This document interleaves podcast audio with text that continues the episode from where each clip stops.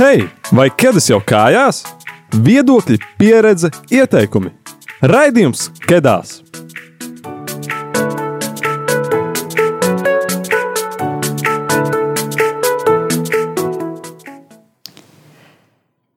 Hei, jaunieti! Tiešām, kā mūsu jinglos mēdz teikt, vai tev ķēdes jau ir kājās? Un ir septembris. Mēs šobrīd tiekamies 7. septembra vakarā. Tie, kas klausās mūsu radio Marija Latvijā ēterā. Un tu klausies jauniešu raidījumu Kedās, kas ir jauniešu veidots radio raidījums nu jau piekto sezonu, jeb nu jau piekto gadu. Un ja tev interesē kāda no tēmām, diskusijām, kas ir diezgan saistīta ar pārsvarā lielāko daļu tēmām, ko, piemēram, tu pieproti runāt ar draugiem vakarā, tad par lielāko daļu arī mēs esam uztaisījuši raidījumus, un tos tu vari droši noklausīties Spotify vai Hirdis platformā, uzrakstot raidījumus Kedās. Un nav arī izņēmums, arī uzsākot jauno sezonu, septembra pirmās trešdienas vakarā mēs tiekamies Kedās komanda un arī uh, ar kādu viesi, kā jau parasti. Un šajā mēnesī mēs runāsim par ko? Mēs runāsim par mobbingu un uh, visdrīzākais arī nākamēnes. Tieši tā, un runāsim par mobbingu. Mums būs divi pieredzes stāsti, un padiskutēsim, kā tas ir mūsu dzīvēs, kā tas ir mūsu draugu dzīvēs, izvērties. Un tad jau raidījuma gaitā, laika gaitā sapratīsiet gan daudz ko no mums, gan daudz ko no citu cilvēku pieredzēm. Mobbings noteikti ir vārds, ko, kas nav svešs, kas ir bieži dzirdēts, iespējams, pat kāds no jums ir to sajūtis. Un, Interesanti, ka tezaurs, kas ir vietne, kur var atrast dažādas definīcijas vārdiem, tezaurs saka, ka mobbings ir speciāli izplānots psiholoģiskais terors darba vietā, kurš ietver ļaunprātīgas priekšnieku un kolēģu darbības. Ļoti interesanti, ka tezaurs piemin tikai par darba vietām, nevis piemēram par skolēniem, kur tas ir visbiežāk izpausts. Un kādā citā vietnē stāsta, ka mobbings veidojas, kad viena vai vairākas personas ilgākā laika periodā tiek pakļautas sistemātiskai negatīvai rīcībai un attieksmei no līdzcilvēku puses. Sastopams jebkurā kolektīvā, neskatoties uz to, vai tā ir skola vai darba vieta. Jā, nu, manuprāt, un es domāju, jūs arī piekritīsiet, ka otrā definīcija bija varbūt nedaudz korektāka. Uh, ka mobbings, mobbings ir dažādos vecuma posmos, ne tikai piemēram skolā vai ne tikai piemēram darba vietā. Bet nedaudz iepazīsimies, kas tad mēs šodien šeit esam. Mani sauc Sintīna, kā jau vienmēr. Manu balsi lielākā daļa, kas jau ir klausījušies, noteikti atpazīst. Tāpat kā arī manu balsi, es esmu Linda. Un mums ir arī viesis. Es neesmu dzirdēts šeit, bet uh, mums ar Sinti ir bijis podkāsts ārpus, kuru, kurš arī ir domāts jauniešiem. Un, vai mēs to iesakām noklausīties arī jauniešiem pēc šī podkāsta noklausī, no, noklausīšanas? Es domāju, jebkurš, kurš, kuram patīk klausīties podkāstus, viņš atradīs iespējas noklausīties arī daudz citas podkāstus. Tāpēc jā. Un, uh, Jā, par, ar Jāzepu mēs iepazīsimies nedaudz sīkāk, nedaudz vēlāk ar viņa pieredzi, bet šobrīd mums ir viena audio pieredze no katoļu jauniešu vadītājas Andas, kur, kur, kuru mēs visi arī personīgi pazīstam. Un, jā, Anda mums pastāstīs par to, kāda ir viņas pieredze ar mobbingu. Mani sauc Anna. Tā mana pieredze ar mobbingu ir bijusi diezgan plaša. Gan tajā laikā, kad es biju pats skolnieks, gan arī šobrīd redzot to, kas notiek skolās apkārt ar maniem bērniem un vispār ar jauniešiem kopumā. Jā, es atceros, ka mēs klasē bijām ārkārtīgi nežēlīgi pret tiem, kas bija vājāki. Un patiesībā tas mans personīgais toreiz motīvs bija tāds, kaut no es nekļūtu par to izsmieklu objektu, par kuru smējās. Tāpēc maksimāli, lai man neievēro, maksimāli pieslēties tiem, kas apsmēja, lai tikai jā, tu nekļūtu par to, kuru izstumj. Tas bija tāda aizsardzības forma, kas galīgi nebija pareiza šobrīd. Un laikam tikai tie cilvēki, kas ir stipri savās vērtībās, kas ir stipri ticībā, arī kopā ar Dievu var iziet cauri šim periodam, paši nekļūstot par tiem, kas, kas vienkārši apsmēja vai kas pazemo citus.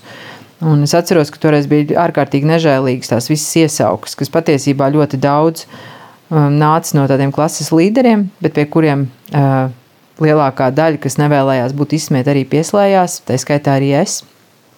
Un, uh, un tās iesaukas bija ārkārtīgi nežēlīgas. Viņas bija, uh, ja kādam parādījās putītis uz sejas, tad tas bija pumpainais, um, ja kāds bija garāks, tad viņš bija cīsiņš, um, tad bija zirgu ģīmis. Um, Tur eh, visas iespējamās, man liekas, eh, iespējamās izsmiešanas formas tur tika izmantotas. Un, um, ja kāds bija dušīgāks, tad, protams, eh, katru dienu viņam tas tika atgādināts, ka viņš ir resnais un asociēt principā cilvēku, jeb jaunieti ar to, kā viņš vai nu izskatījās, vai kā viņš ģērbās. Un, um, tur bombas un vēl kaut kas. Nu, vienmēr sakot, tas bija ārkārtīgi, pazemo, ārkārtīgi pazemošana bija tā klases biedru starpā. Uh, Un, un tā atmosfēra īstenībā, es tagad padomāju, es brīnos, kā šie jaunieši vispār izturēja to visu. Un, un netika runāts ne starp skolot, ne ar skolotājiem par šīm tēmām, netika runāts par, ar vecākiem par šīm tēmām. Es domāju, ka vispār neviens par to pat nenojauta un īpaši nezināja.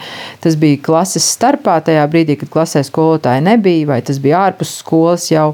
Un šie bērni vai jaunieši, viņi jau arī klusēja. Viņi bija tādos pulciņos vairāk sadalījušies, bija, bija tā klases, teiksim, tie apsmējēji, jeb tie, kas eh, nu, pieslējušies tiem līderiem, un tad bija tā otra daļa. Un ārkārtīgi nežēlīgi, jā, jo bauslis tev nebūs nogalināts. Tiešām ir attiecās arī uz šo. Manuprāt, tur emocionāli ļoti daudz tika nogalināti un sadragāti. Un, eh, un tad bija tāds lūzuma punkts manā dzīvē, kad eh, man jau pašai piedzima bērni. Un, un tad, kad bērni jau sāk iet skolā, tad man vecākā meita atnāca mājās vienreiz un ārkārtīgi raudāja par to, ka viņai klasē ir puiši tur smējušies, raustījuši, kaut kā apsaukājuši un kaut ko teikuši.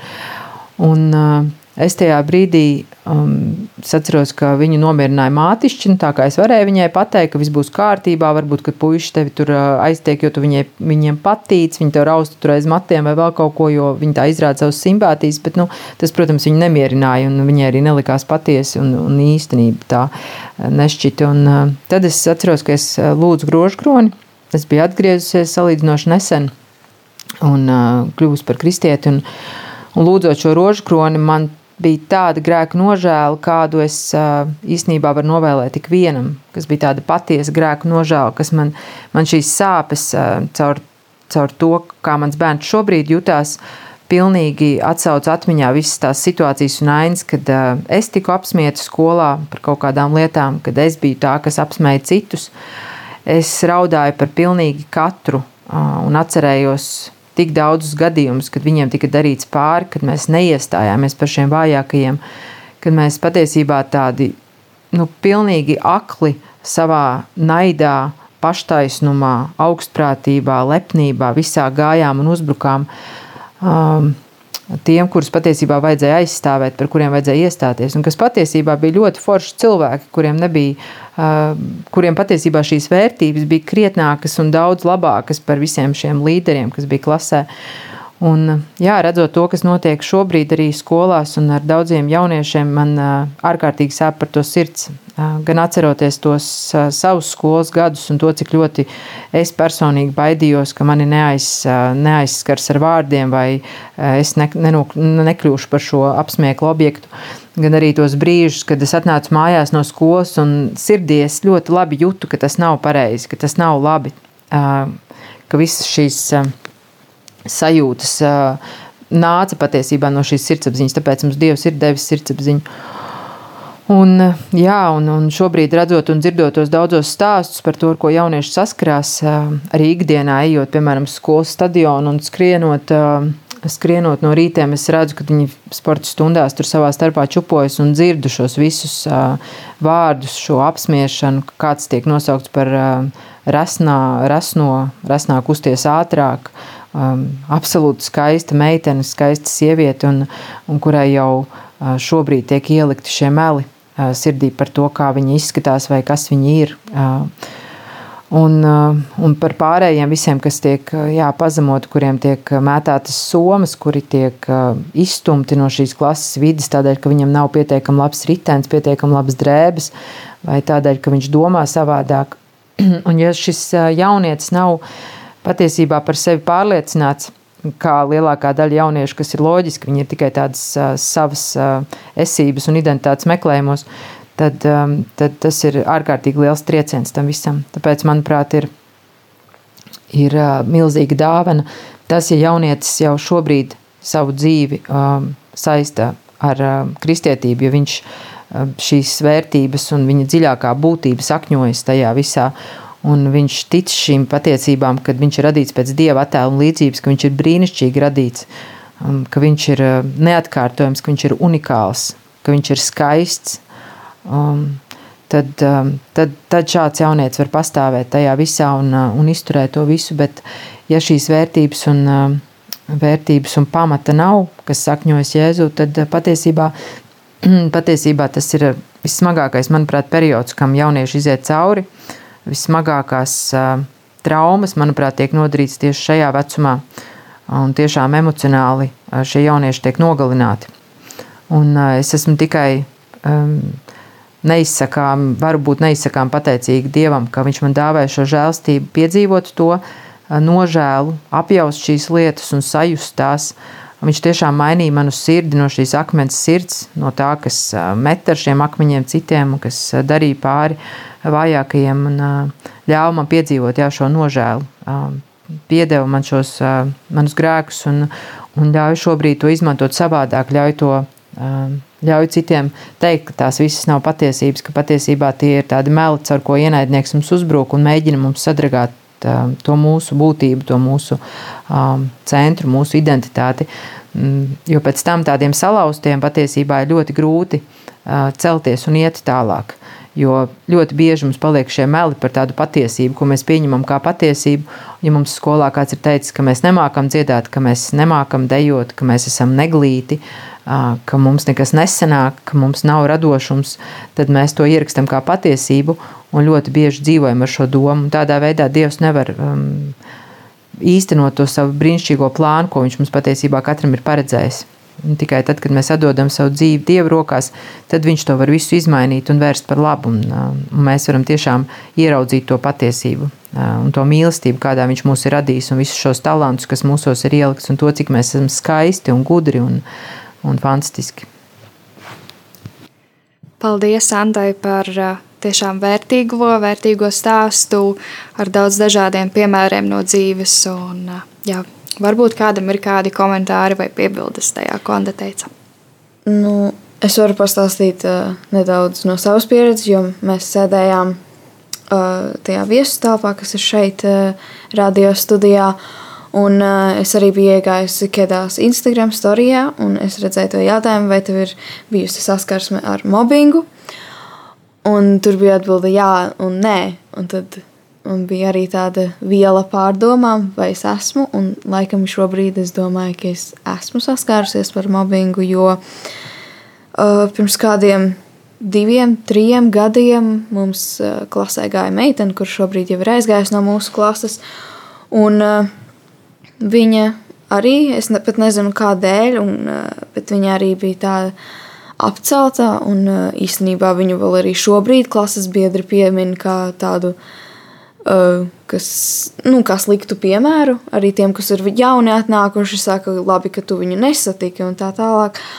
Un kaut kā šobrīd par to domājot, es sapratu, ka tas arī bija kā mobbings, jo, var teikt, visi par viņu bija pret viņu un, jā, un es arī es mēģināju it kā viņai palīdzēt un ar viņu draudzēties, bet arī ne, tas nebija ļoti daudz, jo man arī bija, protams, bail un no tādas atstumšanas, un arī bija tie jautājumi, kāpēc tu ar vispār ar viņu runā, un viss kaut kas tāds, un uh, es, man liekas, visvairāk šobrīd es nožēloju, ka es tiešām kādam pieaugušajam nepateicu, jo neviens nemaz nezināja, ka tā notiek, un jā, bet laikam tas bija visvairāk tāpēc, jo es nezināju, ka tas ir reāli, ka tas ir kaut kas tāds, par ko var teikt skolotājiem un pieaugušiem, un viņi kaut ko palīdzēs.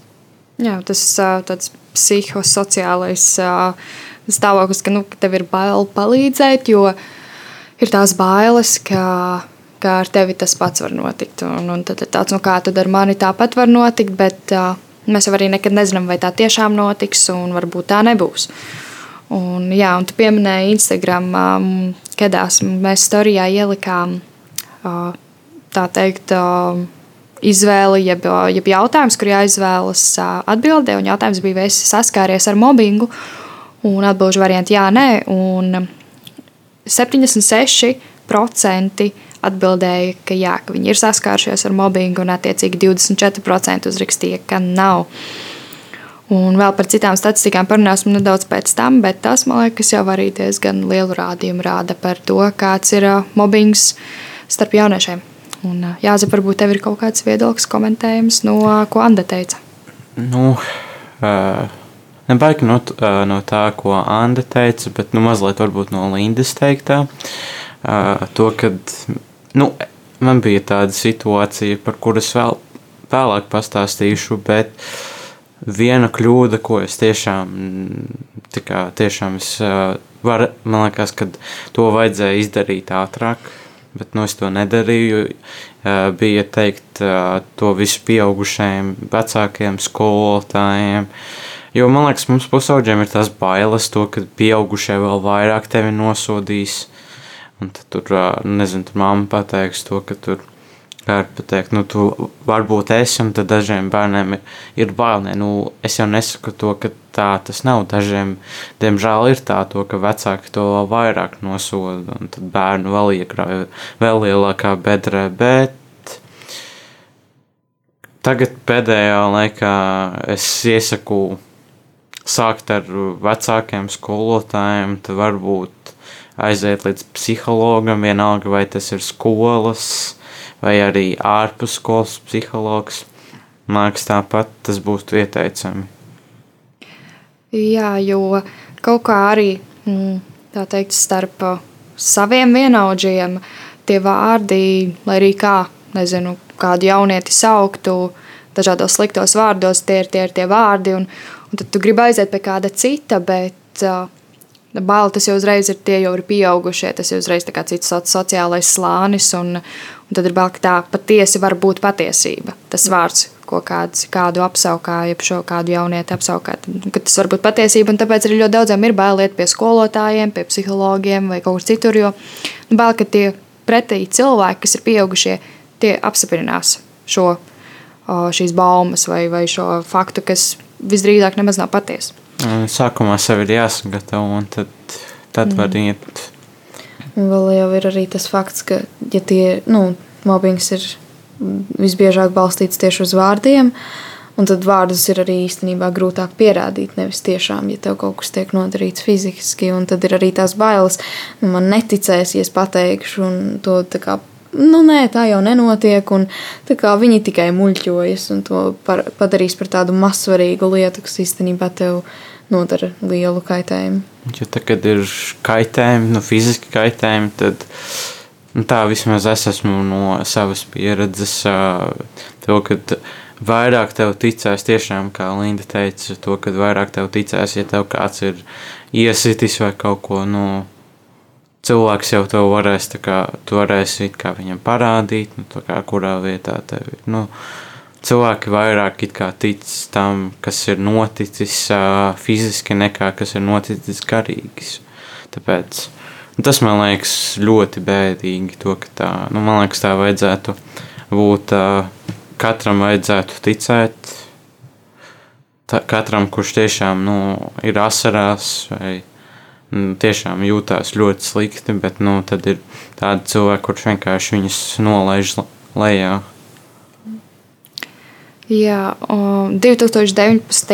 un 2020. gadā bija tāda kampaņa, kos, kuras nosaukums ir Neklusē, un viņi uztaisīja pētījumu par mobbingu starp 5000 skolēniem 55 skolās, kur viņi uzjautāja dažādus jautājumus, un arī tur 60, 64% minēja, ka viņi zina, kas ir hobby, hobbings, bet mobbings atvainojos. Un 22% teica, ka daļēji, un pārējie teica, ka nezina, kas ir mobbings. Tas arī šķiet diezgan interesanti, jo tie pārējie, kas teica, nē, tie ir 14%, un tad 14% no 5000 nav nemaz tik mazs skaitlis.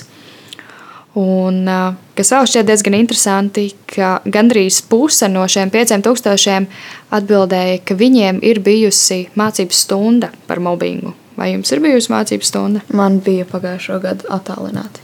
Ok, Jāzef. Mm, man ir tikai, jā, man arī gan attālināti, gan arī klātienē ir bijis, bet tas ir pēc mana, manas pieredzes ar mobbingu, kas man liekas tā kā dīvaini, jo tā, kad man nobeidzās tas mobbings, nu, kā beidzās, nu, tā kā vienkārši man beidz apsaukāt un apcelt, tā, tad tam tieši sāka parādīties vairāk un vairāk. Un par to es tā nobrīnījos, jo kaut kā tā neiet kopā to, mm. kad tieši tā, kad to vajag, tad tas nenotiek, un tad, kad to īsti tā nevajag, kad skolā viss ir mierīgi paliek, un tad nu, arī attālināti, nu, tad pēkšņi parādās. Nu, tas nav mazliet dīvaini. Jā, un vēl pieminot uh, pēdējo jautājumu no šīs statistikas. Uh, Šeit ir jautājums, ja tevi kāds apsmietu vai aizvainotu nākotnē, kā tu gribētu saņemt palīdzību. Un, uh, 55% atbildēja, ka viņi gribētu saņemt palīdzību runājot ar vecākiem. Un tad uh, tālāk iet uh, ar draugiem, vai ar skolotāju, vai ar psihologu, kur jau uzreiz samazinās šie procenti. Un vismazāk, uh, mazākais procentu skaits ir zvanot valsts policijai. Bet ir arī uzticības tālrunis. Manuprāt, viņš joprojām ir aktīvs 116, 111, kuram es pati nekad neesmu zvanījusi. Es īstenībā neesmu arī saskārusies, ka man kāds paziņas zvana šim uzticības tālrunim, kur ar kādam izstāstīt. Vēl arī ir kāds Vācijā, es vienīgais aizmirsu. Mm -hmm.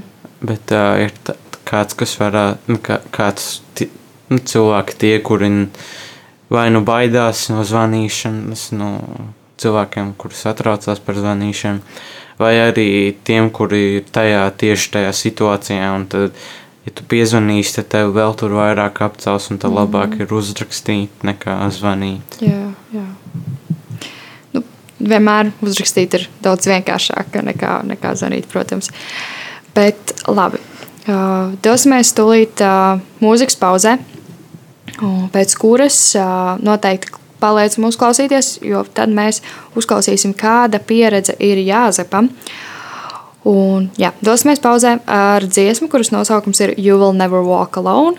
Un uh, nosaukums tulkojas, ka tu nekad nestaigāsi viens. Uh, dziesma, kuru izpildā Gary and the Pacemakers. When you walk through a storm hold your head up high and don't be afraid of the dark.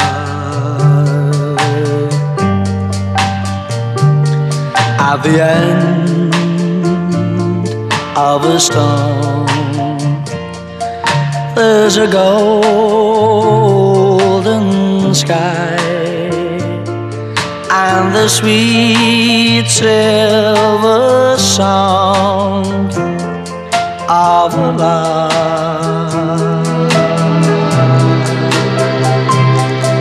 Walk on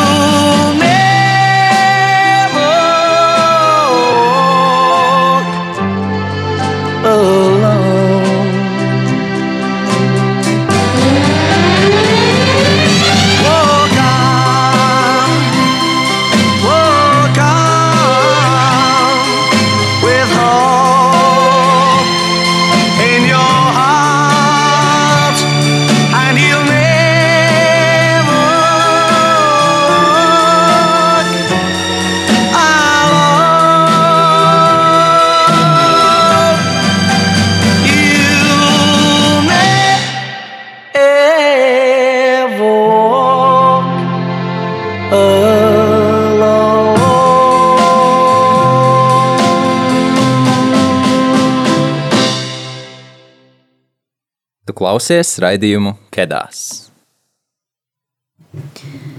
Un, uh, mēs esam atpakaļ pēc mūzikas pauzes, un uh, šobrīd mēs vēlamies iepazīstināt ar vairāk ar viesi, kas mums ir studijā. Čau!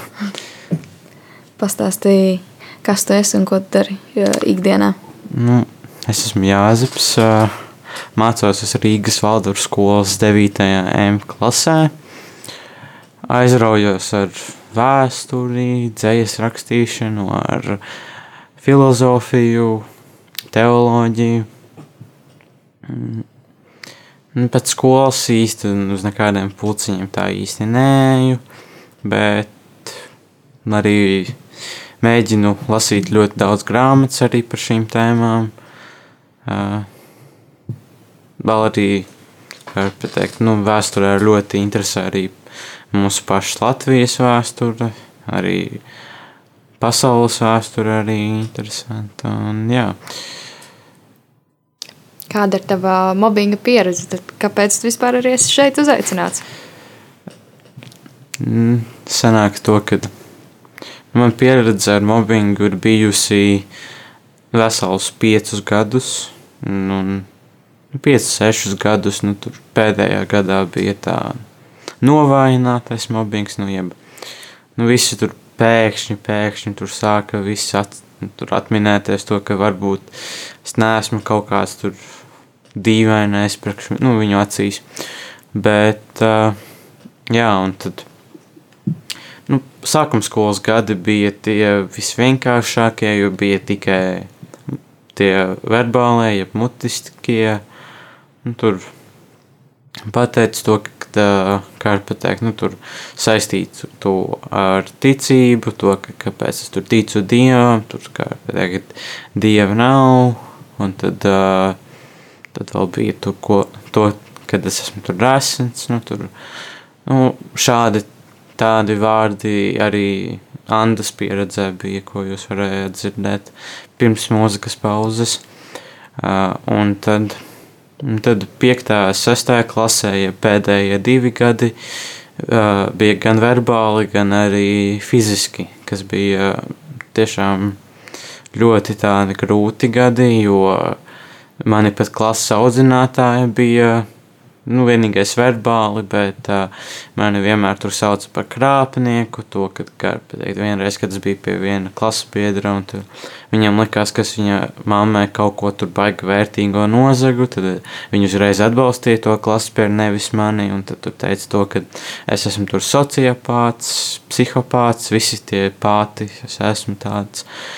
Uh, tad vēl arī klases biedri ir tajā laikā bija ļoti novājināta redzes, tagad me, pēdējā laikā man paliek tā redzes mazliet labāka, un tad uh, man tur brīvs ir vairākas reizes salauzuši.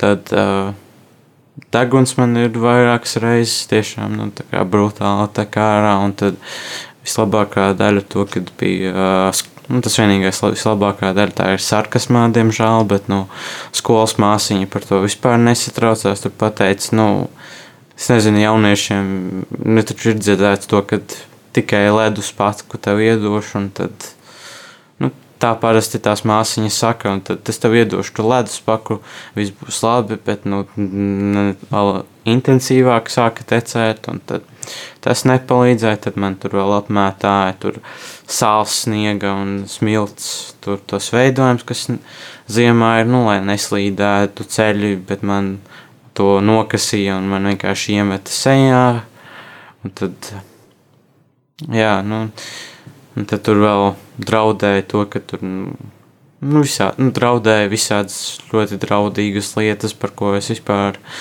vienmēr, nu, tā kā ļoti tā vienmēr es vienkārši biju ļoti emocionāls par to, un tas vienkārši nevienam negribēja teikt to. Uh, bet pēdējo, pēdējos tos divus gadus, nu, tur, tur piektās klases beigās, sestās klases sākumā, es tā mēģināju atvērties un pastāstīt pieaugušajiem to, un kaut kas ir izdevies, un man, nu, es, es iesaku visiem jauniešiem, kuri ir saskārušies vai joprojām saskaras.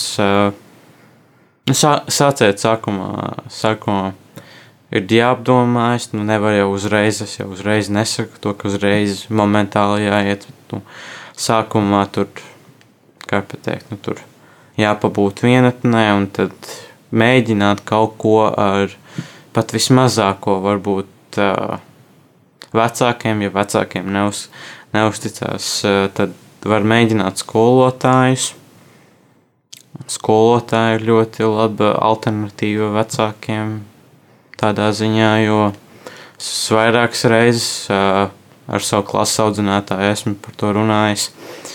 Uh, un viņš ir ļoti bijis atsaucīgs par visu, tāpēc man par to ir prieks. To, kad, un es arī tur biju palasījis to, kad uh, es nezinu, vai kāda no jums zina, bet ir uh, tur uzdot jautājumu, tev atbild tāda mājaslapa Quora. Jā, es esmu dzirdējis. Nu, jā, un tad es tur la, uh, lasīju tādus uh, līdzīgus jautājumus, vai tu vari uzticēties skolotājiem, vai skolotājiem tur var uz, uzticēties par mobbingu, un tā lielākā daļa vispār saka to, ka jā, var uzticēties. Tikai skaties, kā tu pats jūties vai pati jūties, jo skolotāji gan dažādi, daži var pieņemt to uzreiz, sākt runāt ar tevi, bet daži ar to ar laiku to sapratīs visu. Un, jā, nu, pagaidām ar to skolotāju uzticēšanos saku, man ir ļoti laba pieredze. Tāpēc. Un pēc tam var aiziet līdz vecākiem. Nu, labi, tā izklausās mazliet stulbi, to, kad sākumā tas pasaka skolotājiem, pēc tam tikai vecākiem, pēc tam tiem tam psihologam, bet nu, es tā vismaz darīju savā laikā, tāpēc.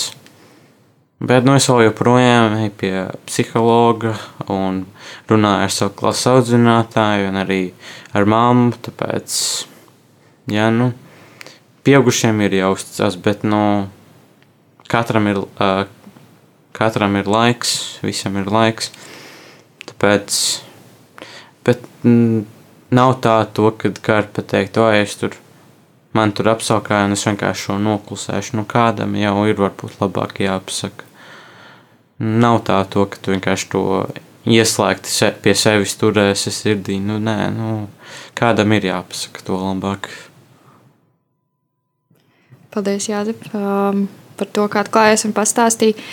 Vai ir vēl kaut kas, kas tev palīdzēja? Tu minēji, jā, atklāties pieaugušajiem, Vai, vai varbūt vēl ir kaut kas no tā sevi, klusums ar sevi, vai, vai kaut kas cits, kas tev palīdzēja mm, tikt pāri šai, šai fāzei?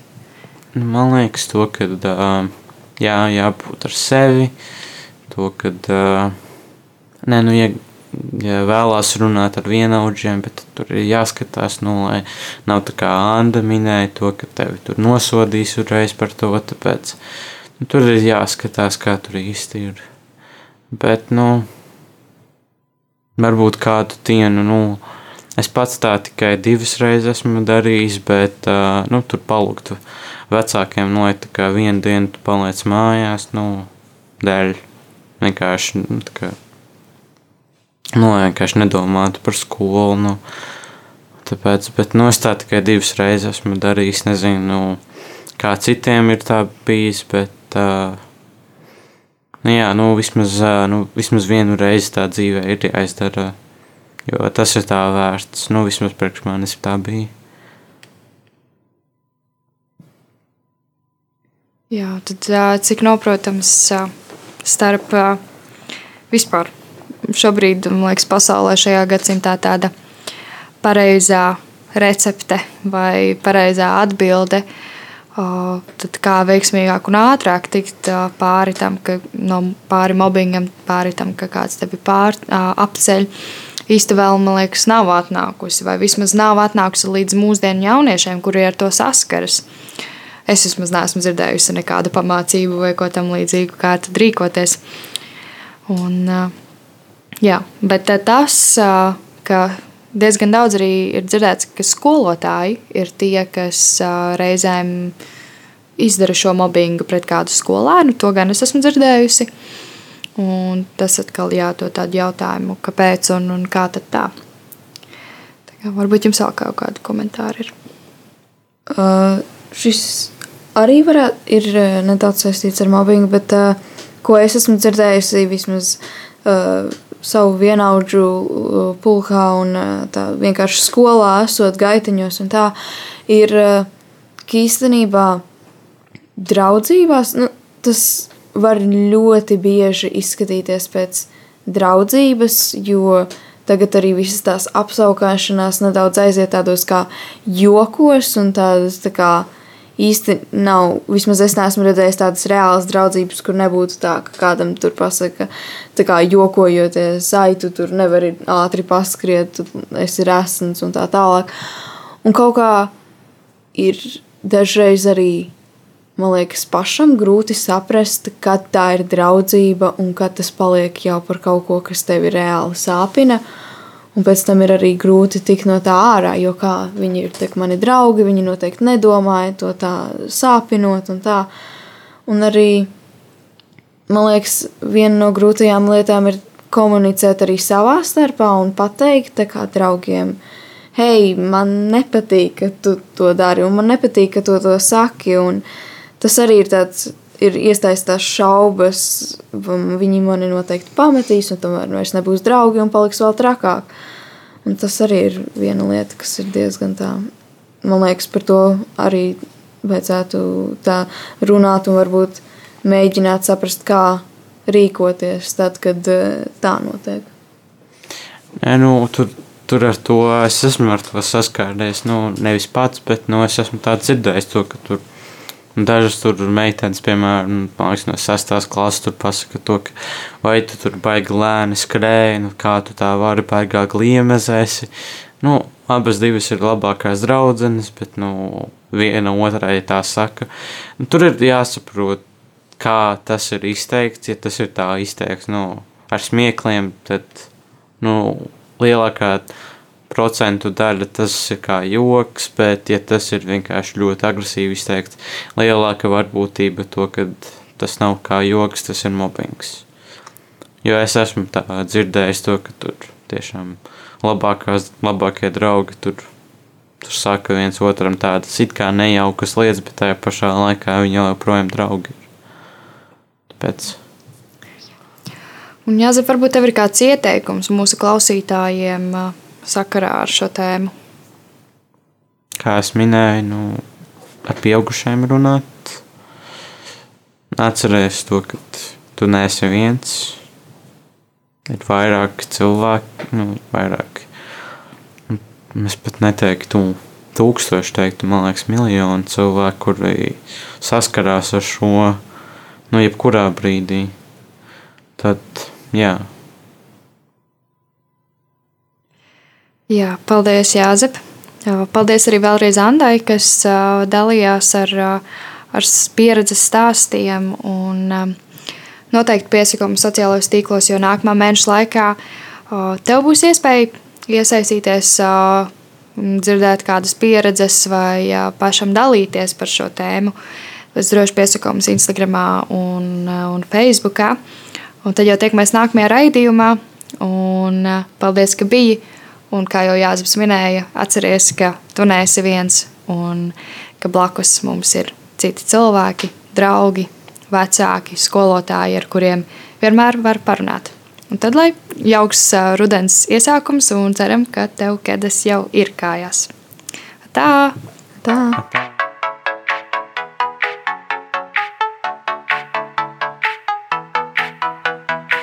Tu tikko dzirdēji raidījumu Kedās! Seko mums Facebook un Instagram etraidījums skedās. Tiekamies katru mēnešu pirmajā trešdienā, pulksten astoņos vakarā.